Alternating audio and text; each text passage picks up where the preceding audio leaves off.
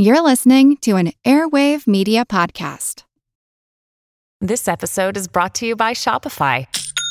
Forget the frustration of picking commerce platforms when you switch your business to Shopify, the global commerce platform that supercharges your selling wherever you sell. With Shopify, you'll harness the same intuitive features, trusted apps, and powerful analytics used by the world's leading brands. Sign up today for your $1 per month trial period at shopify.com slash tech, all lowercase. That's shopify.com slash tech.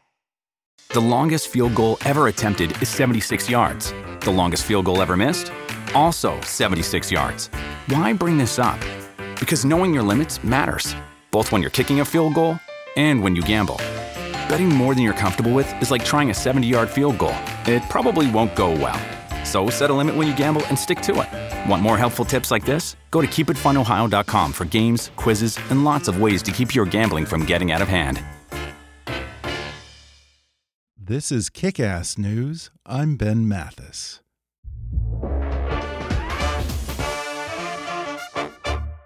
Feeling stuck in your job? Bank of America's The Academy for Consumer and Small Business helps you develop a long term career path. Through peer mentorship, immersive programs, and a variety of clear and distinct paths, you can reach the next level in your career. Take your first step towards a long term career path at careers.bankofamerica.com. And now, on with the show. Hi, I'm Ben Mathis. Welcome to Kick Ass News. Last October, I was introduced to a quirky little television series on AMC called Lodge 49, and I've been raving about it to friends and family ever since. But the problem I run into every time is that it's almost impossible to describe this modern day fable. That's because Lodge 49 is by far the most original show on television. Actor Wyatt Russell plays a disarmingly optimistic ex surfer in Long Beach, California, who finds himself drifting after the death of his father and collapse of the family pool business, until one day he decides to join a struggling fraternal order with a mystical past known as the Lynx, setting him off on a quest to find magic, both literal and metaphorical. Did I do it justice? Probably not. But here's the thing Lodge 49 is about so much more than that, and it's a really amazing show. So today I'm going to delve into it with Wyatt Russell himself and see if season two of this touching and often hilarious show just might reveal the secret of life. First off, Wyatt takes a crack at explaining Lodge 49 better than I ever could. We talk about how the show speaks to the isolation of modern social media culture and our longing for fellowship and meaningful relationships. We discuss the allure of ancient fraternal orders, the importance of embracing everyday magic, and curiosity about the places and the people we all too often drive right by. Wyatt reminisces about his previous career as a professional hockey player and the injury that sidelined him from hockey but inspired him to pursue a career in film and television. He recalls getting his first big break just when he was about to give up on acting, following in the footsteps of his famous parents, Kurt Russell and Goldie Hawn, and what they taught him about keeping celebrity in perspective. Coming up with Wyatt Russell in just a moment.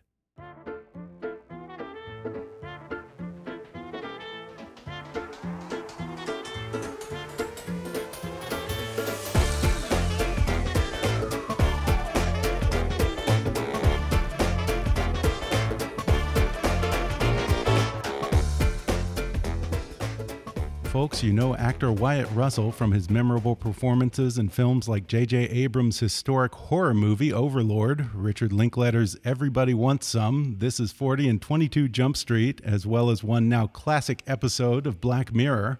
But he's best known as the lovably lost eternal optimist Dud on AMC's quirky and acclaimed series Lodge 49. Lodge 49 returns for season two, August 12th. Wyatt Russell, welcome to the podcast. Thank you for having me.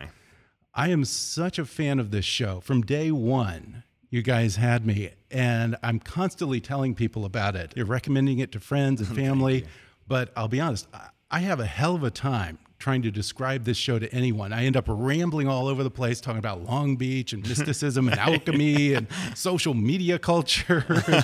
I don't make any damn sense to anyone. So I'm, I'm just going to put it to you. When friends ask you, hey, Wyatt, what are you working on these days? How do you pitch this show? That is how I pitch the show. yeah.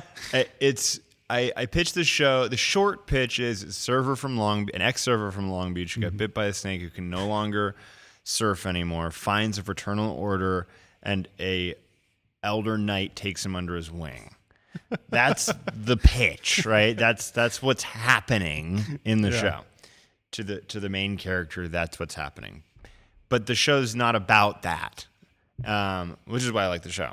It's the show is an allegory for for life. If you've ever read uh, "Hero Has a Thousand Faces," the Joseph Campbell book, it it it much more fall, is along the lines of that and follows a true arc of a of a big massive story from beginning to end there's there's there's a grandiosity to the the show inside of the storytelling that I find big and and exacerbated and exaggerated. And it's all set within a very normal limita- limitations of the normal world mm-hmm. of the known universe.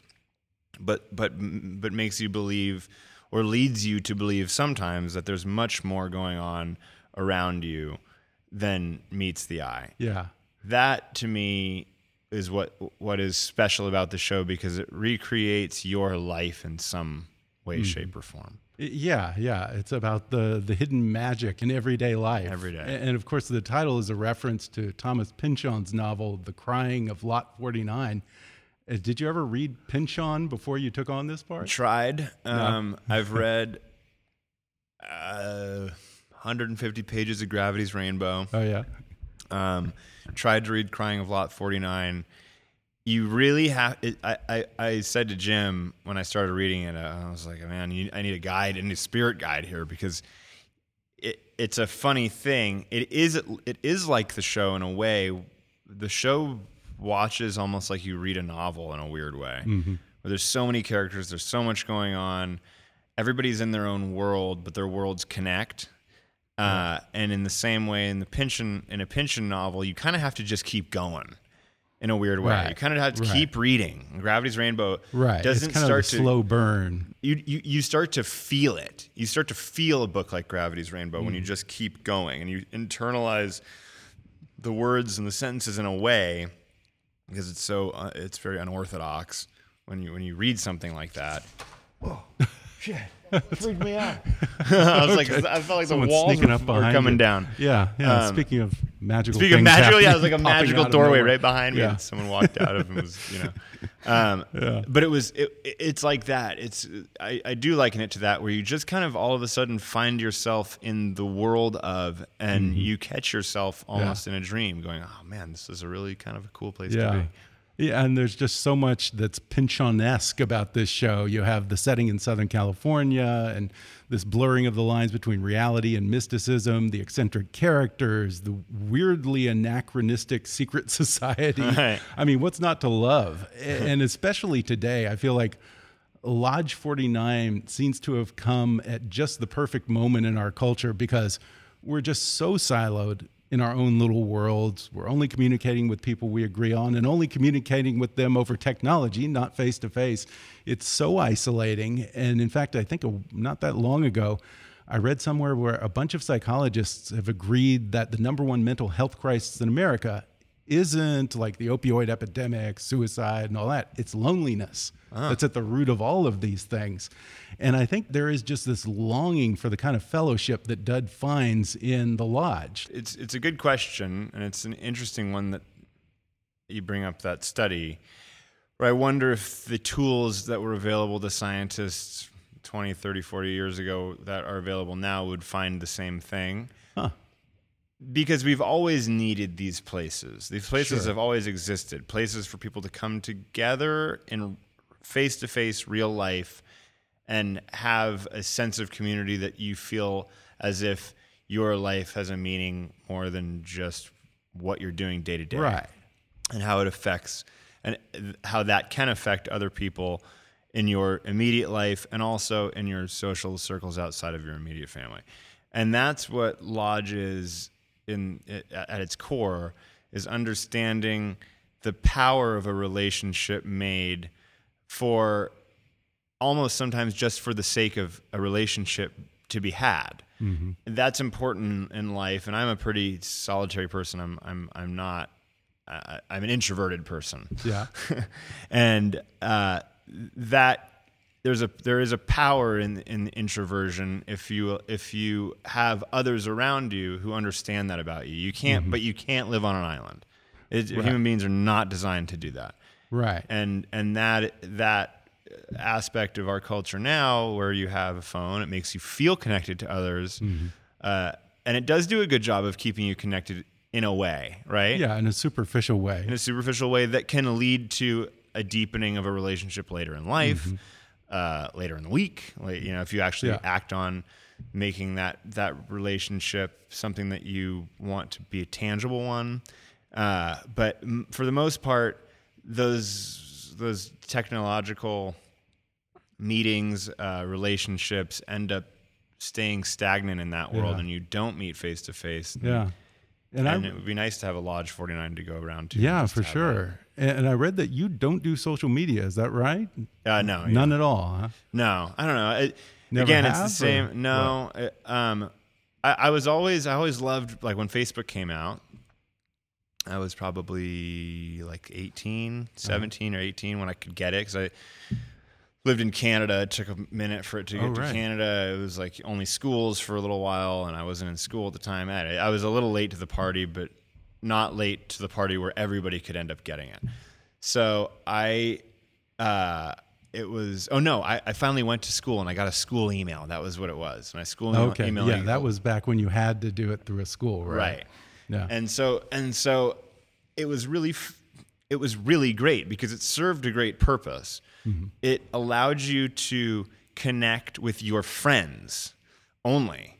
So you had to be a friend with that person. There was no public. It was I want to get to know you or I know you very well and now we're, we have a deepening of our relationship. Then it exploded into this massive worldwide thing where people were, were using it to market themselves, Right. which I thought was strange. So I didn't do Yeah. that, And and it, then it almost went from personal to impersonal. completely, Mm-hmm. and and I wasn't on that train. That felt weird. Yeah. Uh, then Instagram came. Well, then then it was Twitter and Instagram. Twitter I never got. and like still don't understand. Instagram I totally got because that was really that was now I'm sharing my moment my, my moment with my best friends Mm-hmm. yeah. totally was on board and then it again it evolved into marketing yourself as a brand Right. which Yeah. i understand for some people is a really great way to make money um, if you're if you have the self-control and a great head on your shoulders i think there's no reason why not to you know but for me i just didn't care for other people to know those parts of my life Yeah. I just don't. And if I wanted to be an actor, I felt as if if I wanted to do the things that I wanted to do, it wasn't going to behoove me to see me cooking eggs and making jokes because it does take away it does a little bit from the mysticism of who is that person? What do they do? Right. Right. You have those questions Yeah. about people, and there's people who I really respect who don't do it, and, and, and I have those questions about them. So I didn't do it um, not out of thinking it was a bad thing. I think it's actually a very good thing. Uh, Yeah. Oddly, I don't do it, but I do think I think it serves more positive than it does negative. Okay. Because there's a lot of people that connect over Instagram, Facebook, Instagram, the ones that I've known, who have a sickness or an ailment or something that I can't get. I can't get community for the thing that I have. Right. Right. Right. And there's yeah, a lot that, of people No, with that makes a lot of sense. disease or whatever the hell it is. Mm-hmm. and and they can connect with somebody a, a world away Mm-hmm. and make them feel as if they're in it together. Yeah. And there's a support system there. I've seen that work in a way that's very special, which I would never want to go away. But I don't want to be a part of it. Yeah, eh, but it must be weird too for you. I mean, if people don't know, your parents are Kurt Russell and Goldie Hawn, so you probably, I assume, kind of grew up thinking that celebrity was like this byproduct of something else. It's like you do something, and celebrity is the thing that comes along with it, or the thing that you put up with because you love this other thing that you're doing so much. Now it's the end game. That's the goal, just to become a celebrity, Right. Without there being any there there behind It's it. very odd to me because celebrity always seemed like like a hindrance. The not like the celebrity aspect of it. What comes with it is money and access, which of course everybody wants, and I want too. But the idea that uh, you'd want to be famous or you'd want to have celebrity attached to your name just because Yeah. I mean, It's everybody when they get there is going to yeah. realize it's a cold, hard Yeah. rock that you're going to be living under because it's very lonely Yeah. if you don't uh, if you engage with it that way. Mm-hmm. Um, if it, if it, if it's really not just a byproduct and it was something that you're if the byproduct is the thing that you're going for as your whole meal, you're gonna have you're gonna you're gonna you're going to have issues. Yeah. you know that that doesn't end well. Yeah. Um, Yeah, and, and this whole show seems to sort of be about you know valuing the relationships that are real versus the things that aren't real. And uh, I guess that's one of the things that I enjoy about it, and especially kind of this anachronistic idea of the fraternal order, because it seems like that's something of my father's generation Yeah. or his father's generation. And, you know, I, I'm always hearing how like these clubs like the Elks and the Shriners, the Masons are kind of slowly dying off as their old members die off. And it, it makes me wonder why that is. I mean, do you think that we're just so self absorbed that we avoid any type of obligation like that? that's a good question. Um, Or, or, or is it maybe that, you know, just a lot of people are, I don't know, afraid to admit that they're not 100% emotionally self sufficient and they view uh, sort of this innate fellowship with your community as some sort of weakness?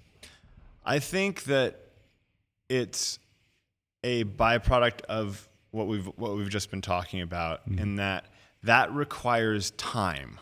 Yeah. It requires time out of your Yeah. day. It's an investment. Yeah. That that we're so driven to believe that every uh, every ounce of time that we spend is is an investment in our future. Mm. And the investment needs to have an ROI Yeah. and and that ROI usually needs to be seen by either by money and and or success in some level towards your working goals where where also back in the back a f- few years ago you could work as a postman you could work as a roofer i mean you still can and some of the trade industries are actually you know they need people but you could work in those industries and go take time off with the people that you're that you're around Yeah. and and share experiences with Yeah. them and it wasn't seen as a chore it was seen as something that was fun to do the other Right. aspect of it that's really great that people don't know about um, as much they just look at they're just sort of old dudes with you know time to kill is that they do there, there's a strong element of of of charity in all of those Right. those Right. masons the elks like in order to become an elk because we there, I know someone who is an elk um, you have to you have to ha- do something for the community Right. You don't just show up whenever you show feel up and like drink beer it. whenever it's you a feel commitment. like it. It's a commitment. Yeah. And in a world in which every a- aspect of using your phone, every aspect of email, of work, of your family feels like it's taking your time away, Mm-hmm. uh, the last thing in the world you're going to say to yourself you want to do is go join some place that Yeah. you're going to put your phone away and put all the other things away because it feels like taking a step in the wrong direction if you're not going to enjoy yourself. And, the- and and it really is. I think that there's a big part of people's lives right now, specifically, where you have to look at your life and say, how, when, when have I gotten to the point of diminishing returns mm-hmm. in my in my work life? I get there in my own work life where I, I I have to look at myself and go, is this is this worth it? Or is Yeah. it better to not work right now and go spend two or three months and not make as much money? I get mm-hmm. it, but have a better attitude for when I'm going into my next project.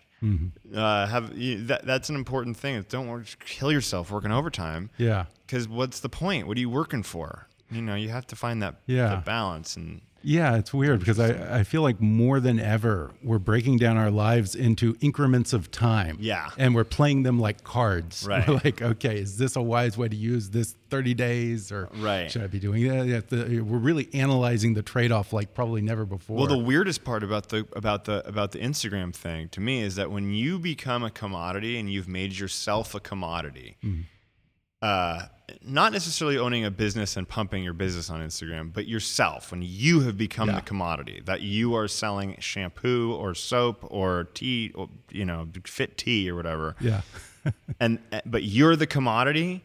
Your entire life of every minute of your day now is about work, Mm-hmm. selling your yourself as the thing for people to buy. Yeah. and yeah. that I'm the brand. I hate it's hard, man. referring to themselves as a brand. As a brand, it's like That it's so crazy. soul. St- it's, I Yeah. feel it's a little bit soul stealing, and the more you can get away, Yeah. it's like okay, now it's great, but if you can try and diversify the brand Yeah. to Yeah. be you're- where you don't have to be one thing, that Right. that'd be good. You're more than a brand. You're I more mean, than a brand. Coca-Cola is a brand. People are better than that. I think so too, but it's but it's a, but that's an interesting part of capitalism where Mm-hmm.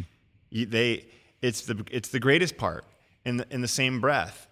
I can literally out of thin air take a few pictures of myself, and if people are interested in whatever the hell I am or my life is, I can I can make money off of that. Mm-hmm. And if you're happy doing that and traveling the world, and I see these pictures of people playing with pigs and you know bikinis and girls wearing thongs and Fiji, if you can do that and be happy and make money, I don't have a problem with it because you're as long as you're giving back to the world in some way, Right. That's fine with me. But but it's when people start to that inevitably inevitably ends up turning inwards and you turn inwards on Mm-hmm. yourself and now everything becomes everything is a mirror and and you can't look past yourself i would imagine for you know until it all comes crumbling down which is uh, you know hard not today. to Who knows? yeah Yeah. um, but it's an interesting it's a very interesting question Yeah. yeah Yeah, yeah, and I feel like the show kind of addresses our commercial culture and this like kind of disposable society. Uh, in fact, even the physical building of the lodge in Lodge 49 seems to be something of a metaphor because it's one of these relatively nondescript places, slightly derelict buildings that you find in a place like Long Beach. And you could probably easily drive by there a hundred times and never even notice it. But the show almost invites viewers to look deeper and discover sort of the magic that seems ordinary at first glance. I, it's what I find interesting about living in the world, especially living in LA, is you can drive by anything, and if you choose, I would. When I was a kid, I used to go by, drive. You know, you drive by a bus stop, and I would mm-hmm. always look at somebody walking down the street, cross whatever. They'd have a backpack on, and a walking stick, and I'd always wonder where are they going. what are they Yeah. doing? What, what's Yeah. going through their mind, and where are they going to end up when they get to their destination? Yeah. And everybody has that thing inside them that's a unique element that makes you you and mm-hmm. nobody else like it and you will experience things that no one else will experience that are feel like magic Yeah. a feeling inside of you that feels that was magical. Oh my god that was so cool. I, and, and, it, and it's fleeting and it goes mm-hmm. away like that. And to me lodge is about a guy who's constantly looking for that moment. Mm-hmm. You're trying to find that moment and make that moment tangible. And doesn't quite understand yet that that moment that you're searching for that you're constantly trying to, to grab that brass ring or whatever that feeling is are only things that can happen to you Yeah. if you open yourself up to the experience you can't force that feeling it, it won't happen if you're constantly on the search for it but mm-hmm. you have to keep yourself open and you have to be able to walk through those doors when you're asked asked to or when they're presented to you because that's what makes life fun that Yeah. keeping the, the possibility for magic you know? And I love what you said about just watching a guy at a bus stop and wondering what's his story, where's he headed? Right. Because it's strange to think that everyone is the most important person in the world to themselves. Like the way that you and I feel about ourselves. Yeah. Like to me, I'm probably think that I'm way my needs and everything Of are way more important than yours and vice versa. Right. And like everyone in the world feels that way. Right. And I, I think that that's part of the genius of your character on this show is that at first glance, when I first started watching the show, he's like this irrepressible optimist who you kind of see as hapless and naive, but he slowly reveals himself to be this quiet genius because he has this understanding and acceptance of people being people. And as much as he finds wonder in the world, people don't really surprise him that much. You know, when someone does something shitty, he might be like, oh, you know, come on, man, really? But it doesn't shock him. I mean, deep down, he seems to get human nature in that people act out of self interest, and sometimes people turn out to be phonies. You know, he can still empathize with them, and he doesn't let it shake his beliefs in the essential goodness of people. I mean, it makes me wish there were more people like that today because no one wants to put themselves in someone else's shoes today. Uh, that to me hits it on the head entirely. Um, thank you for for seeing that. You're most welcome. Um, it, I think it, it it's fun to play because when you have someone who seemingly his goal in life is very simple, mm-hmm. and he says it a few times, and it is when someone asks him if you could anything in the world, what you could do anything in the world, what would it be? Uh, he very simply and very easily says, "Well, it's easy. I clean pools."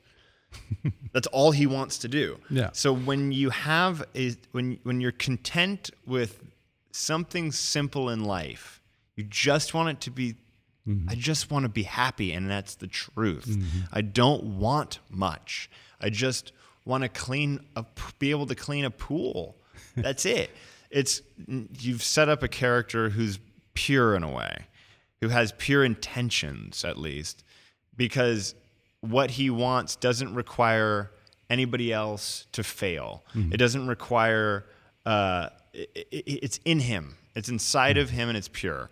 So, so when he, when you see the world through the eyes of that person, sometimes they'll say some things that are totally naive, and then sometimes they'll hit on things that are seemingly so obvious, but because we've convoluted the way we look at things, um, it's seen as some sort of prophetic, interesting, wow, I didn't think of that kind of way of looking at yeah. the world. And um, playing that's great because, of course, what you're going to end up doing is when you set that up as the as the characters want, uh, you're going to have to to get the simple life of mm-hmm. cleaning a pool and having a beer on a on a Sunday by the beach with your friends. That's the end goal. You're going to jump through yeah. hoops of fire to get there. okay. You know, and that, that's that's our story is that we that, that to get to that simple moment that you so yeah. long for is going to be a lot of trials and tribulations on the way to learning how to be in that moment. Mm-hmm. Um, but the question is, would he still be longing to be a pool man if he were already a pool man? Because the the whole story exactly. revolves around the fact that his father dies and loses their pool business, and all he wants, in some ways, is just to go back to the way things were. If he was in that moment before that, would, would, he still want that? Of course, would that still be the goal? The, uh, I, I think that's a, that's a great question, and it's and it's the question. And Jim at the end of the season, there's Dud expresses that. And it expresses an awareness of what of what you just said. Now mm-hmm. that's that's I don't want to I won't say what he said because it's sort of in episode ten and it is in a way the moment in the it's it's his learning moment mm-hmm. in the mm-hmm. in the show this year. Um, but it's it's very very true and the show does a good job of keeping it along the lines of of reality that way of mm-hmm. understanding I know you want this, but you could you wouldn't want this if you hadn't been through the things that you think you didn't mm-hmm. want to go through. Right. Which we've all been through. Everybody, no matter what class, no matter what color, no matter what it is, someone has been when trying to complete their story and and get people to see them as they want to be seen. You will go through things and things will happen to you that you don't want and wish didn't mm-hmm. happen. Mm-hmm. And if you're strong enough, and if you can weather the storm enough, and it's and that is comes with varying degrees of difficulty. Yeah. That's not that is not a one size fits all problem.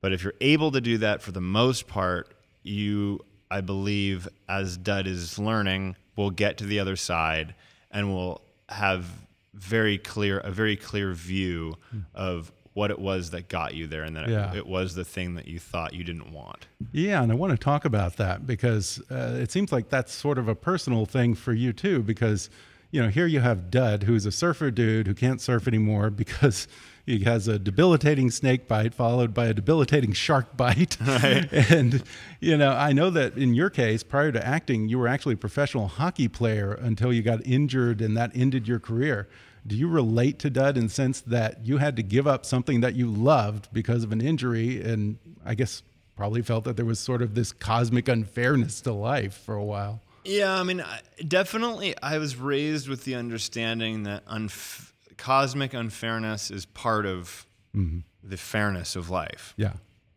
Um, and in my case, it was very apparent from a very young age that nobody cared about my struggle, nor should they. Hmm. Why would they? I'm a privileged white kid whose whose parents are famous people, but they understood that you're going to have struggle, mm-hmm. and that your struggle will matter, and that making your struggle matters is actually an important part of your learning process. But guess what? Nobody gives a fuck about what your struggle is. Right. Right. Your struggle only matters to, to you. And if you, or, and if, above and if you become the type of person who, if you become the type of person Yeah. who thinks that Yeah. like your struggle is, should matter to everybody, yeah. either you're picking the right thing to to talk about, Yeah. or you're you're getting into a world of self pity, and Yeah. it's like in my case, that's what that would be, right? It's like, oh, Yeah. look how hard it is, really, like, are you just not- really? Yeah. And then you write a book like Mein Kampf. yeah, right. Yeah, yeah, there you go. Yeah. So, so what I with uh, with my life when when when I started playing hockey, it was very much about that in terms of me understanding that this is going to be the thing that gives me an identity. This is going to be the thing that I identify with uh, the most and gives me self worth, right? Because it was it was difficult and it's objectively difficult. You can't look at that sport and say, "I could do that." Yeah. You know, most you'd be like, "How is that? How is it possible?" It takes a lot Yeah. of work. It takes a lot of time. It takes yeah. commitment. Yeah, yeah. So- I couldn't even play football. And it- this is a sport that almost requires you to go out and get beat up every day. right. Yeah. So Yeah. so in my case, it it felt good because I knew that if I got good at it, then I'd be undeniably good at something. Mm-hmm. And it gave me my gave gave me a, gave me an identity. So that I, I traveled that world, and it was very difficult because there was a lot of people who didn't like who my parents were, and that was What? also Who doesn't love Goldie Hawn and Kurt Russell? as a fan of, of, of them, sure, but but when your kid Okay. all of a sudden is now competing against that kid for a job Mm-hmm. Yeah. on a hockey team, and you're around the age where it really matters, Mm-hmm. and people are looking at their kids going, "My kid has a shot of getting drafted into the WHL, or getting a shot at getting a Division One scholarship, or playing on the junior team," and now here comes this kid who's seemingly got everything going for him in the world. He can't be the son of actors. He can't be from California. He can't be like all of these things and a good good goalie. Like that's unfair. Mm-hmm. Hmm.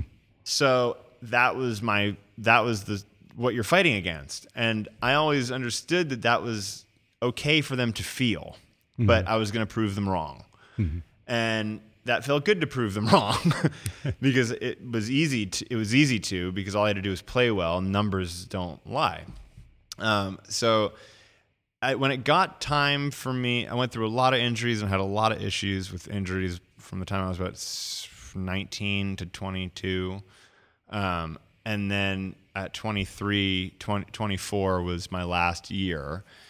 And as soon as I got injured uh, for the last time, I my hip was a disaster. It exploded, and it was just like there was no way I was coming back. Called my dad, and was in the locker room crying. Uh, But it was a relief. Really? Yeah, because it was like someone certainty. Mm-hmm. told me "You- it's over for you. Yeah. you're done. Yeah. and stop doing this. You don't need to beat your head against a brick wall for the rest of your life to Yeah. prove to somebody that you're good at this or that you've earned th- something in your life. You Mm-hmm. did it.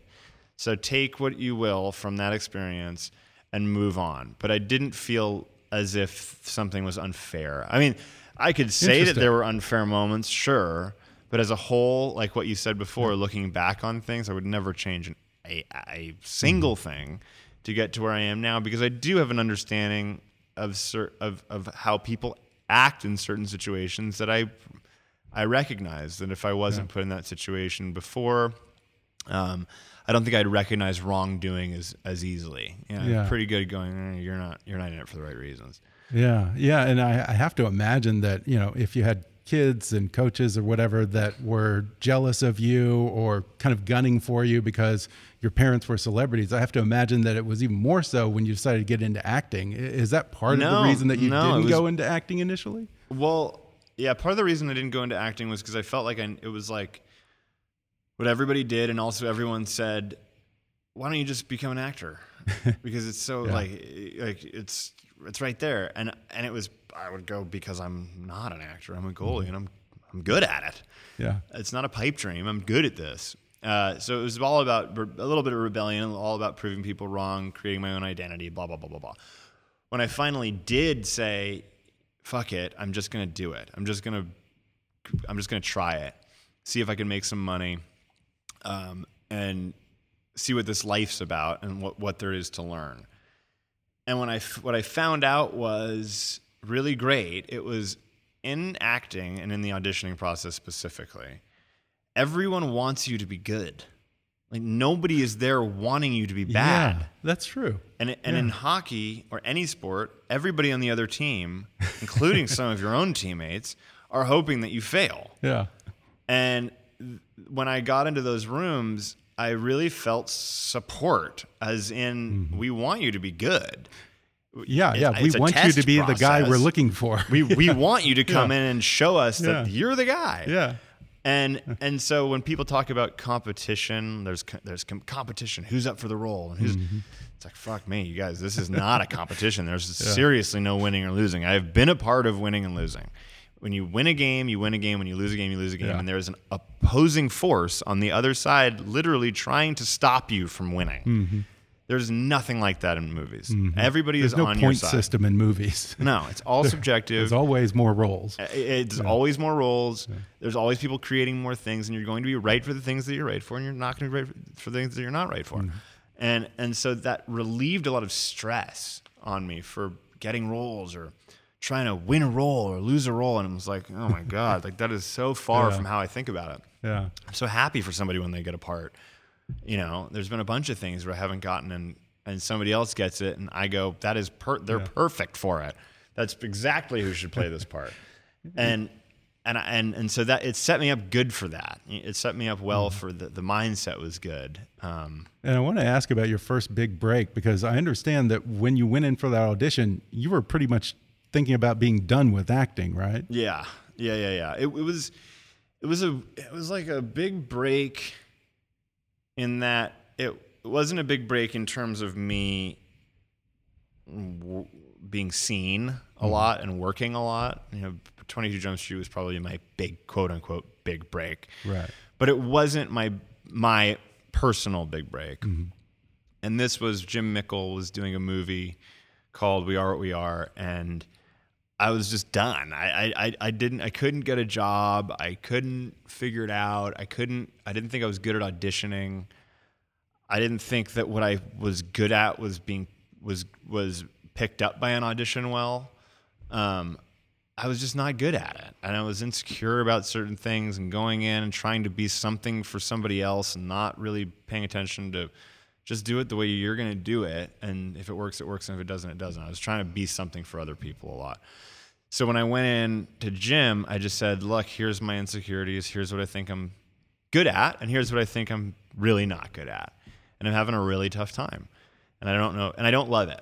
And that was my big problem. Was I don't hmm. love it. Like I loved, I lived for hockey. I mm-hmm. loved it. It was everything. It was I woke up at six thirty on Saturday mornings, and I loved doing it because you go to the rink and you have your coffee, and it's a lifestyle that I was just so into. Right, right. Well, I mean, I, I, I always hear of actors who love acting, but I never seen an actor who loves auditioning. yeah, right, exactly. Yeah, right. But so, exactly. But I'd never had the experience of. I, I didn't even like acting, right? Like, Yeah. th- this, I'll be honest about that. I, I, I went out, I did jobs, I had work, but I was act. I had like a four day job here, I had a two day job here, I had a three week job here. I just mm-hmm. didn't like it. It was like. Mm-hmm. it's almost like a gig economy. It was yeah, it was, totally. It was Yeah. like, I'm a freelancer. I go out, I don't make Yeah. any friends. I don't know what the fuck I'm doing. I just go in and I say the lines, and this is not, you know, what what that fun. And then when when Jim said, "Great, let's do it," because we had this audition, and and he came in and just I think did it so well and so perfectly. He had the expertise to do the audition the way he cut it together. He ha- he he asked me like, "How would you like to do it?" And I said, "Well, I like to do it like a scene. I think it'd be cool to do the scene. If you're going to do the audition, yeah, you, you that just makes sense. shoot That's the scene. logical. Yeah, my feet are here. If you want to shoot the, my feet in the bowl that they're supposed to be in, you, Yeah. you have everything. Shoot the scene. You get a close up of me, and then cut away to something. You know, like.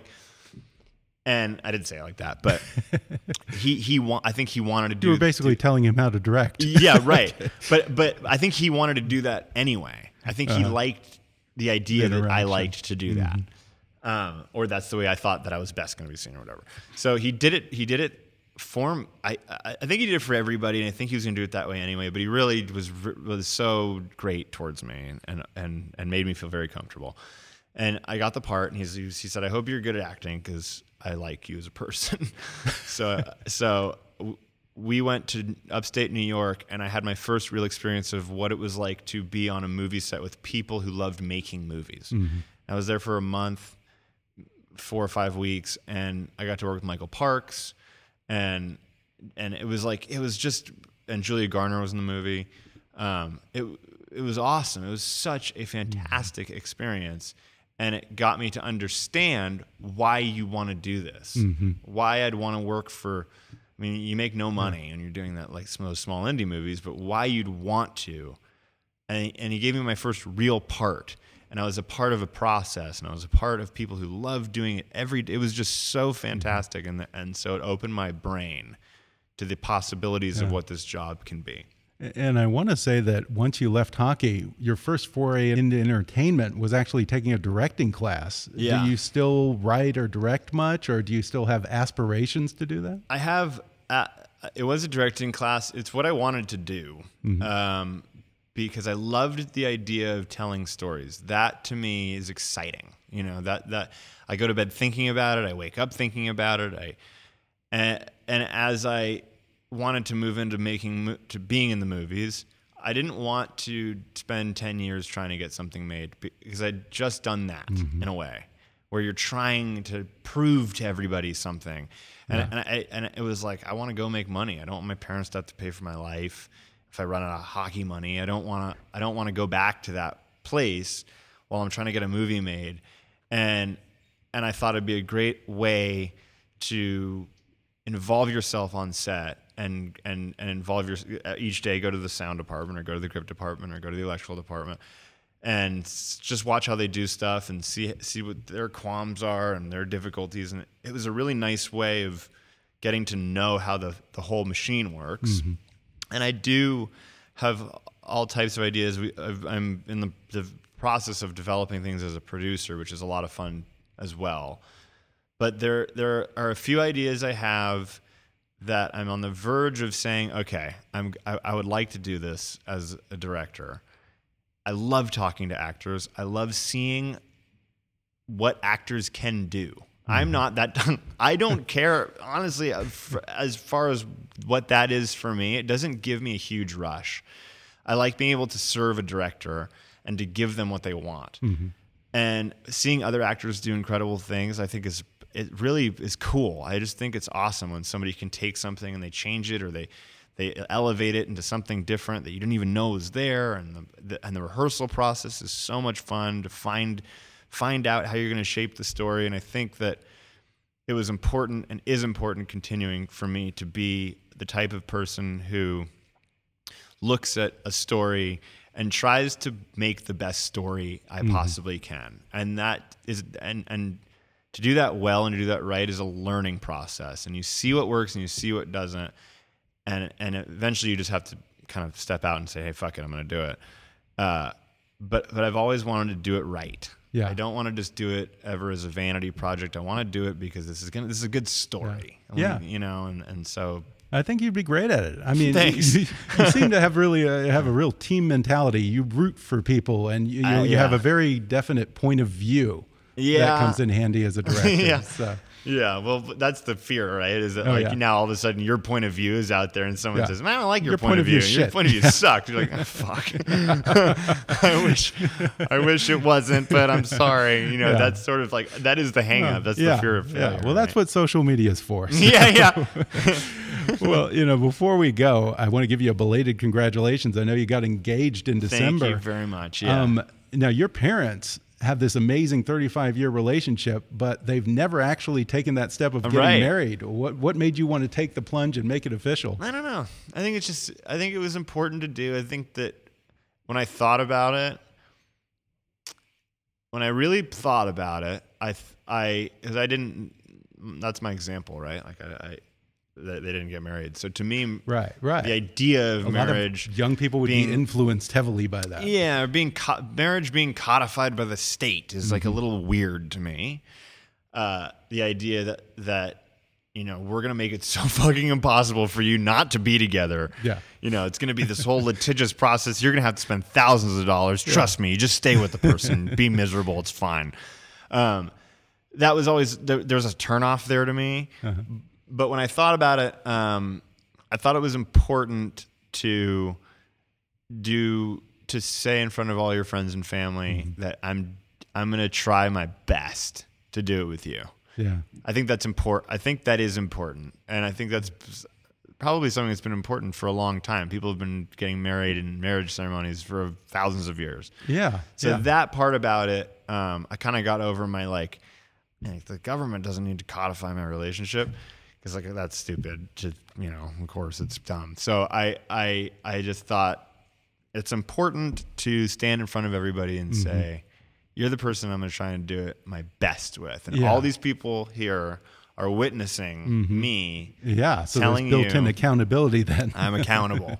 yeah. And so I think that's important. That's Yeah. sort of why. Wow, good for you, man. I, I hope that you two are very happy. Congratulations. Thank you. Well, season two of Lodge 49 premieres August 12th on AMC. Wyatt Russell, thanks so much for talking with me. It's fun. Thank you.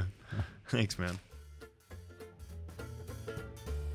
thanks again to Wyatt Russell for coming on the podcast. Don't miss the season two premiere of Lodge 49 on Monday, August 12th at 10, 9 central on AMC. Visit amc.com for more information. Be sure to subscribe to Kickass News on Apple Podcasts if you haven't already. And if you like what you're hearing, then rate and review us while you're there. Five star reviews are the easiest way for new listeners to find us. Don't forget to like us on Facebook and follow us on Twitter at, at KickassNewsPod. And feel free to email me with your thoughts, questions, and suggestions at comments at kickassnews.com. Until next time, I'm Ben Mathis, and thanks for listening to Kick Ass News.